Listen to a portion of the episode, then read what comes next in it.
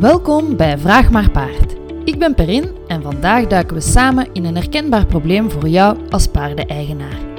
In deze aflevering leg ik jou de waarom uit achter het gedrag en bied ik jou een zicht op de mogelijke oplossingen.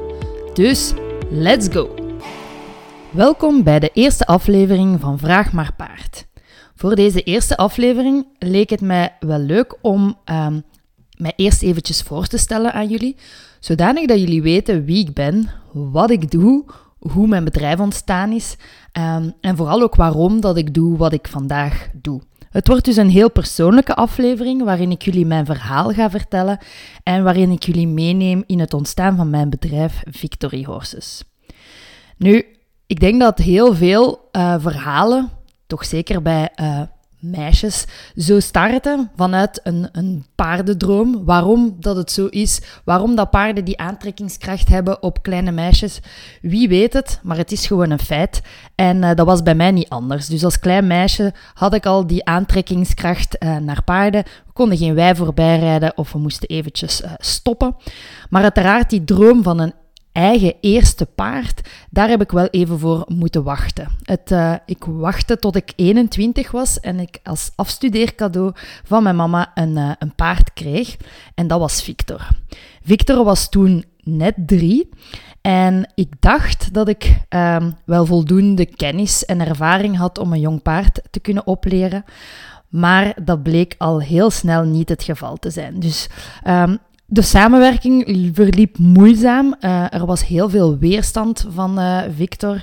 Um, dus uh, hij was daar ook heel expressief in, zijn gedrag. Hij beet, hij stampte, hij duwde mij tegen de muur, hij legde zijn oren plat. Um, dus ja, die gedragsproblemen dat ik met hem had in omgang, zorgden er eigenlijk al heel snel voor dat ik, uh, dat ik eigenlijk bang werd van mijn eigen paard. Ik durfde hem eigenlijk zelfs niet eens meer naar de wei brengen, omdat naar de wei gaan, dat was gewoon uh, een nachtmerrie. En uh, boven het feit dat, dat ik tegen al die gedragsproblemen aanliep en, uh, en dat dus ja, de samenwerking en het rijden uh, helemaal anders verliep dan dat ik mij had ingebeeld, kwamen daar bovenop ook nog eens fysieke klachten. Um, Victor die liep al snel wat onregelmatig rechtsachter. En daarbovenop kwam dan ook nog eens een val in zijn stal, um, waar ja, een beetje een, een lastig verhaal uh, van een stalknecht die was vergeten de stal op te strooien, die dan s'avonds uit zijn zetel werd gehaald om dat nog eens te doen, die dik tegen zijn goesting en gambeteerd naar de stal van Victor liep en die dat dan eens uh, snel wou regelen. Um, ja, ik die ertussen wou komen en zei van laat mij even mijn paard eruit halen, maar het was al gebeurd. Het stro werd in de stal gesmeten en Victor verschoot, die wou de achterkant van zijn stal oplopen, maar helaas, ja, een paard dat kan niet klimmen, dus die schoof onderuit en die stallen die waren gebouwd op uh, betonblokken die wat verder uitstaken dan de houten wal.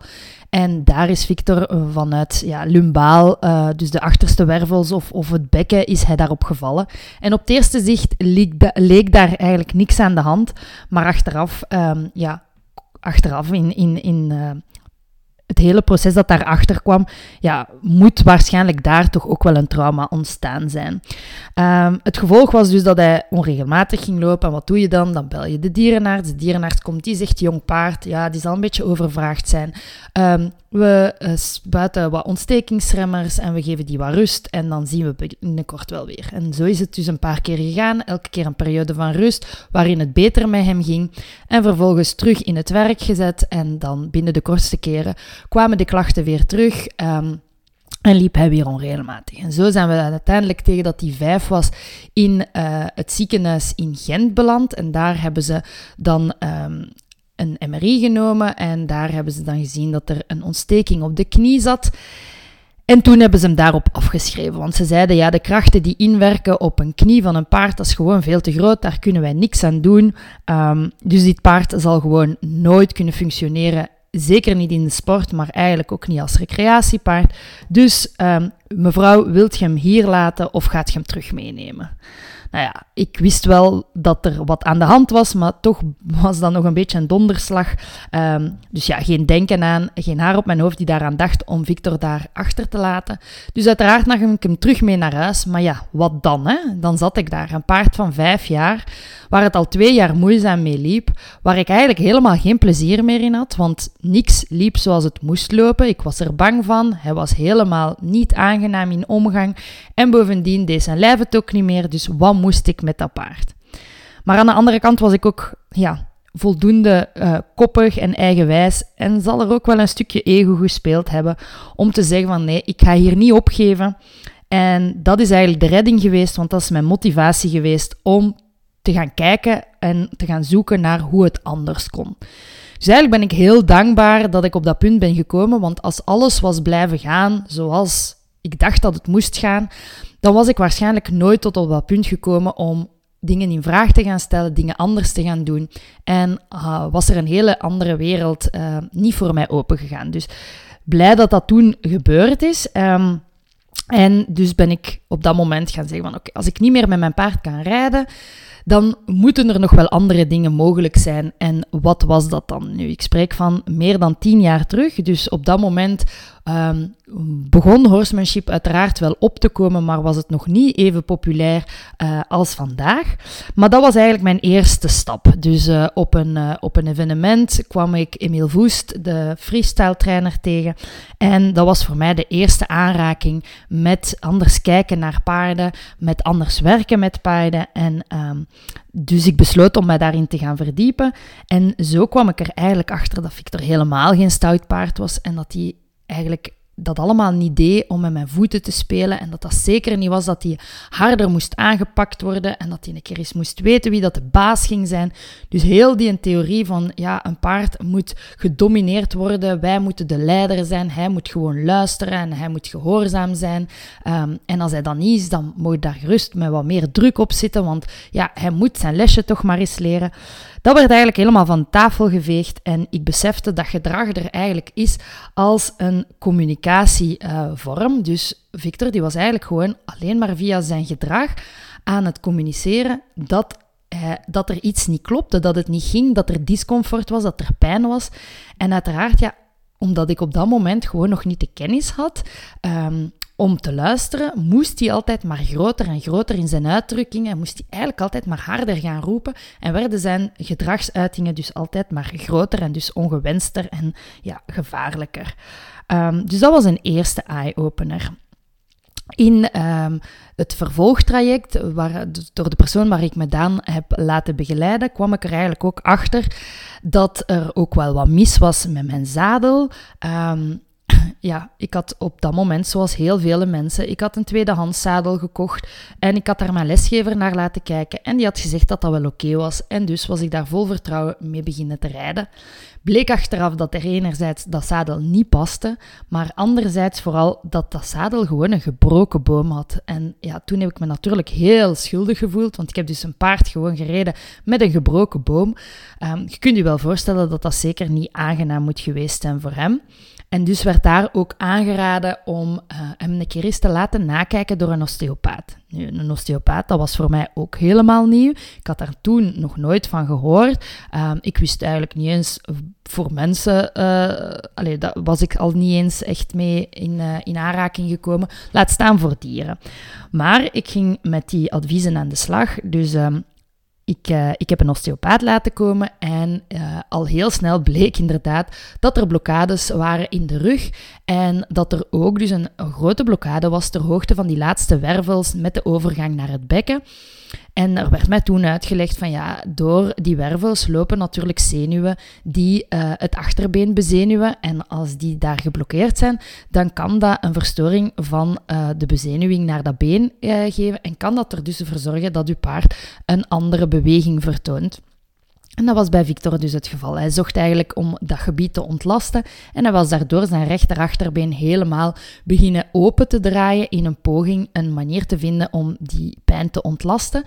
En heel waarschijnlijk is het op dat opendraaien en de anders plaatsen en de anders gebruiken van de achterbeen dat er een ontsteking moet ontstaan zijn op die knie. Dus we gaan nooit helemaal weten wat de oorzaak is en wat het gevolg is. En ik wil ook helemaal niet zeggen dat er geen probleem was in de knie.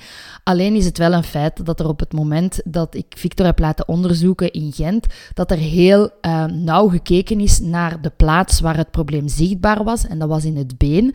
En dat er niet echt verder gekeken is naar uh, de verhouding van dat lichaamsdeel, dus van dat been naar het hele lichaam.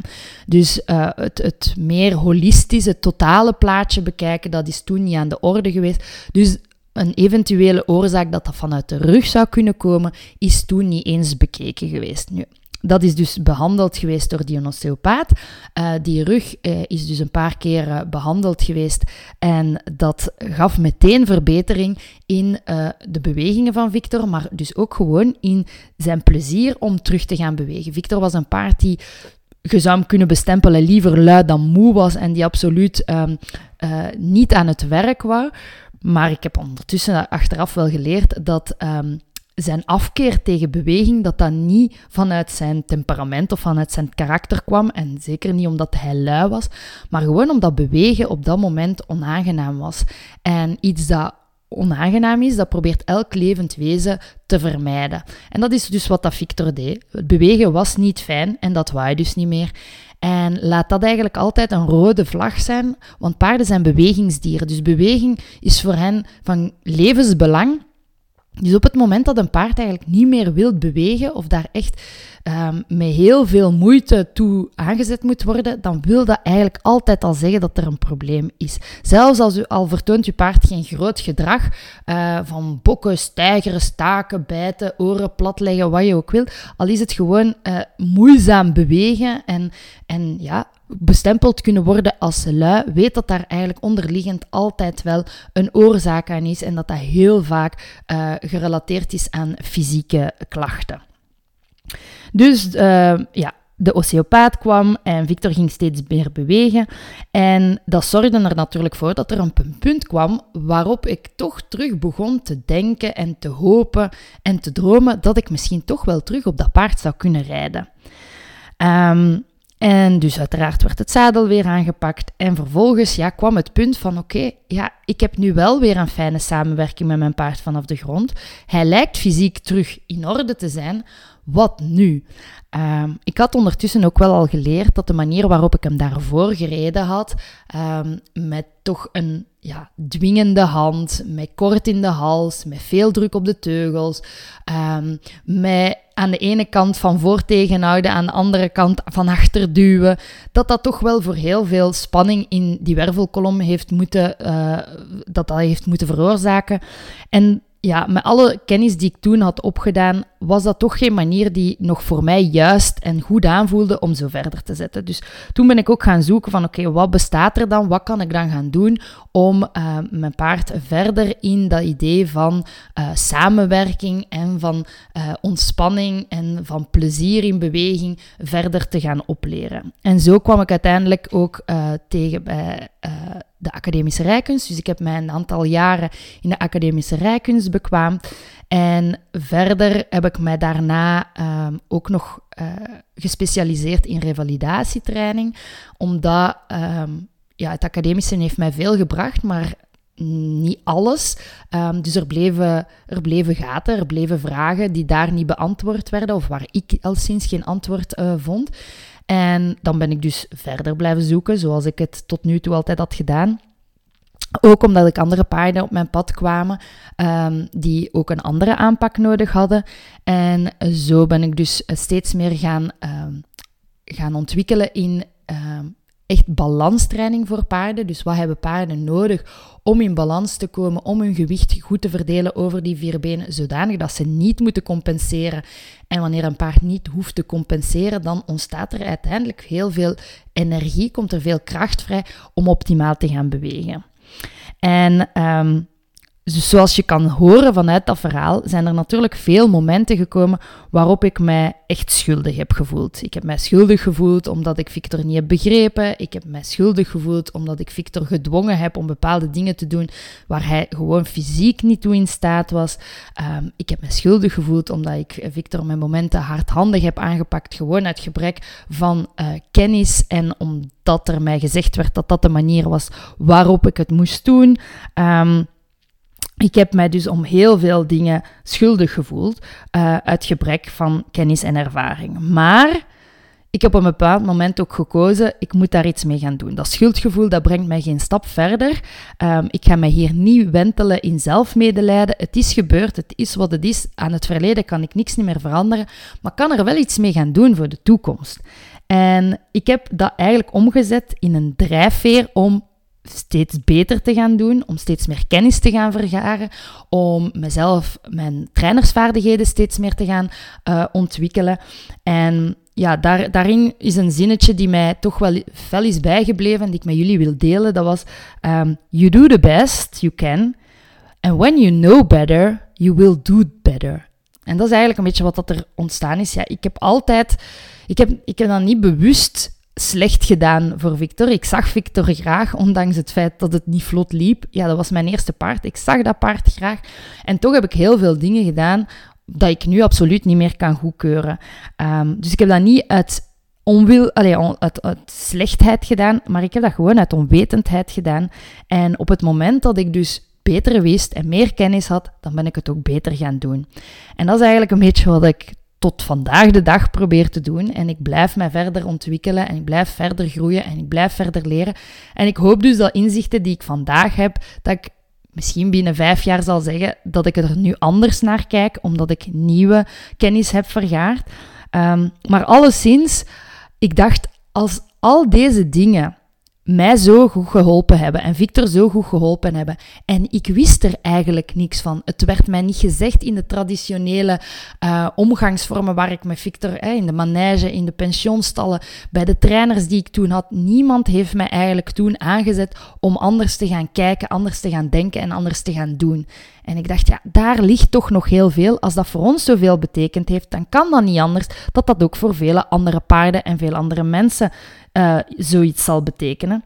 En dus ik was altijd al. Um, ik had altijd al een voorliefde in lesgeven, dus ik heb als 16-jarige ook heel veel ponykampen en zo begeleid. Um, ik gaf ook wekelijks les in een ponyclub op, uh, op zondag. En ik had uh, een master in de lichamelijke opvoeding, dus lesgeven, dat zat wel een beetje in mijn bloed. Dingen doorgeven, uh, dat deed ik graag. Mensen in hun kracht zetten, uh, dat was voor mij heel fijn. En eh, als ik daarbij kon bijdragen aan het optimaliseren van het welzijn voor paarden, ja, dan was dat supergoed meegenomen. En van daaruit is eigenlijk het idee ontstaan van, oké, dit wil ik ook gaan delen. en ik wil andere mensen en andere paarden ook gaan helpen in hun zoektocht. En zo is Victory Horses ontstaan. En Victory Horses, zoals je het hoort in de naam, draagt een deel van de naam Victor. En dat is uiteraard een eer aan Victor, omdat het dankzij hem is dat ik sta waar ik vandaag sta en dat ik doe wat ik vandaag doe en dat ik ben wie ik ben vandaag. Want hij is echt mijn, ja, mijn mentor geweest daarin en mijn motivatie, mijn drijfveer geweest om, om dingen te gaan veranderen. Um, dus een hele ode aan hem. Um, maar uh, ook een knipoogje aan victorie, hè, die in het Engels staat voor overwinning. Want dat is ook eigenlijk waar ik voor sta. Um, niet de overwinningen in de vorm van. Uh, zoveel procenten halen uh, of in zo hoog in het klassement geraken of zo. Als dat voor u een overwinning is, dan is dat helemaal prima. Maar uh, ik heb het ook gewoon over dagdagelijkse kleine overwinningen. Um, dingen die moeizaam gingen en die in ene keer wel gaan. Zo'n de klik. Uh, mensen die ineens wel weer het vertrouwen hebben om bij hun paard op, uh, op stap te gaan. Die, die in ene keer hun paard wel geladen krijgen. Uh, paarden die niet konden stilstaan bij het opstappen en die dat nu wel kunnen. Paarden die altijd heel, met heel veel moeite weggingen van de kudde en nu voldoende vertrouwen hebben om um, uh, samen met hun eigenaar weg te stappen. Um, paarden die in omgang heel moeilijk waren, die heel schrikachtig of heel gestrest waren en die nu wel de rust vinden om op een positieve manier samen te werken. Dat zijn de overwinningen waar ik het eigenlijk over heb. Um, en dat, dat, zijn de overwinningen waar Victor Jorstus voor staat. En dat zijn ook de dingen waar ik mensen in begeleid. En dat zijn nu ook net de onderwerpen die ik in deze podcast met jullie wil gaan bespreken. Vertrekkende vanuit een concrete situatie, een concreet probleem. Gaan kijken van oké, wat kan er daarachter zitten? Wat zou het paard met dit gedrag willen zeggen? Welke emotie zit er daarachter? Welke behoeften zitten er daarachter? En hoe kunnen we eigenlijk het paard tegemoetkomen en gaan kijken wat we kunnen doen om uh, het paard zich beter te laten voelen. Want als het paard zich beter gaat voelen, dan verdwijnt uh, die behoefte om zich op die manier uit te drukken. En dan verdwijnt dus ook gewoon het ongewenst gedrag. Dus we hoeven geen gedragscorrectie te doen. We hoeven gewoon alleen maar te gaan kijken naar wat het gedrag veroorzaakt. Nu om het verhaal rond te maken, mensen zullen waarschijnlijk wel willen weten hoe het ondertussen met Victor gaat. Um, dus Victor is ondertussen 21 en hij geniet hier nog steeds uh, bij mij in de kudde van vijf ruinen op een paddockparadijs van zijn pensioen. Um, om zijn levenspad eigenlijk een beetje uit te zetten, heb ik hem dus gekocht als hij drie was. En dus tussen zijn drie en zijn vijf is het dus heel moeizaam geweest. Is het eigenlijk een, een neerwaartse spiraal geweest van steeds meer in de problemen te komen, steeds meer uitdagend gedrag, uh, steeds meer fysieke klachten. Tot we op vijf jaar dus het verdict krijgen van, uh, ja, dit is einde verhaal. En dus van vijf tot zijn zeven heb ik eigenlijk zitten zoeken naar manieren om hem zowel mentaal als fysiek weer te revalideren. En van zijn zevende tot zijn vijftien is hij echt mijn leermeester geweest. Die heeft mij overal mee uh, vergezeld naar clinics, naar workshops. Uh, hij was het paard waarop ik alle nieuwe technieken heb op uitgeprobeerd. Dus hij heeft echt heel veel geduld gehad met mij. Hij, heeft, is ook ontzettend vergevingsgezind geweest, want hij heeft mij elke keer de mogelijkheid gegeven om van alles op hem uit te proberen. Um, en vooral om handiger te worden en uh, om mijzelf te ontwikkelen als ruiter, als trainer, als lesgever, als mens. Dus uh, ja, dank u wel daarvoor, Victor. En dan van zijn 15 tot zijn 18. Op zijn 15e begon ik wel te merken dat um, ja, alle fysieke klachten die hij al ja, een heel leven meedroeg, dat dat die toch zwaarder begonnen te wegen. Dus ja, hij kreeg steeds meer last van artrose. Artrose is een verouderingsproces dat sowieso uh, op een bepaald moment altijd wel gaat opkomen, maar bij sommige paarden gewoon veel sneller van, vanwege uh, de belasting die ze hebben gehad of gewoon genetisch vanwege een niet zo, uh, ja, een niet zo functioneel sterk lichaam. Dus op zijn 15 begon Victor toch wel steeds meer last te krijgen van die artrose en heb ik toen beslist dat het voor hem genoeg was geweest uh, om mijn leerpaard te zijn. Ik had ondertussen ook een paard die de fakkel kon overnemen en die mee kon gaan op clinics en zo verder. Dus Victor bleef vanaf dat moment thuis. En uh, ja, ik uh, bleef hem gewoon thuis onderhouden. En hij kreeg ook een nieuwe taak. En dat was zijn taak als uh, schoolpaard. Hij heeft dus zeker een drietal jaar meegedraaid in de opleidingen die ik gaf. En andere mensen geholpen om ook meer gevoel te ontwikkelen. Um, dus dat heeft hij gedaan tot hij 18 was. En toen kwam de coronacrisis. Dus toen stopten eigenlijk de opleidingen. En toen is eigenlijk een beetje zijn pensioenleven echt gestart. Um, hij heeft een heel belangrijke functie in de kudde. Hij is echt de stabiele factor van de kudde. En hij is ondertussen ook uitgegroeid tot, tot de beste paardenvriend van mijn dochter Nel. Nel uh, wordt binnenkort zes en uh, ik vind het fantastisch om haar met volle vertrouwen uh, aan mijn paard te kunnen toevertrouwen. Uh, ik heb echt het volste vertrouwen in Victor. En als ik ze zo zie glunderen op, uh, op de rug van haar grote vriend, dan weet ik dat zijn taak hier bij ons nog niet gedaan is. En uiteraard hoop ik hem nog heel veel jaren bij ons te hebben.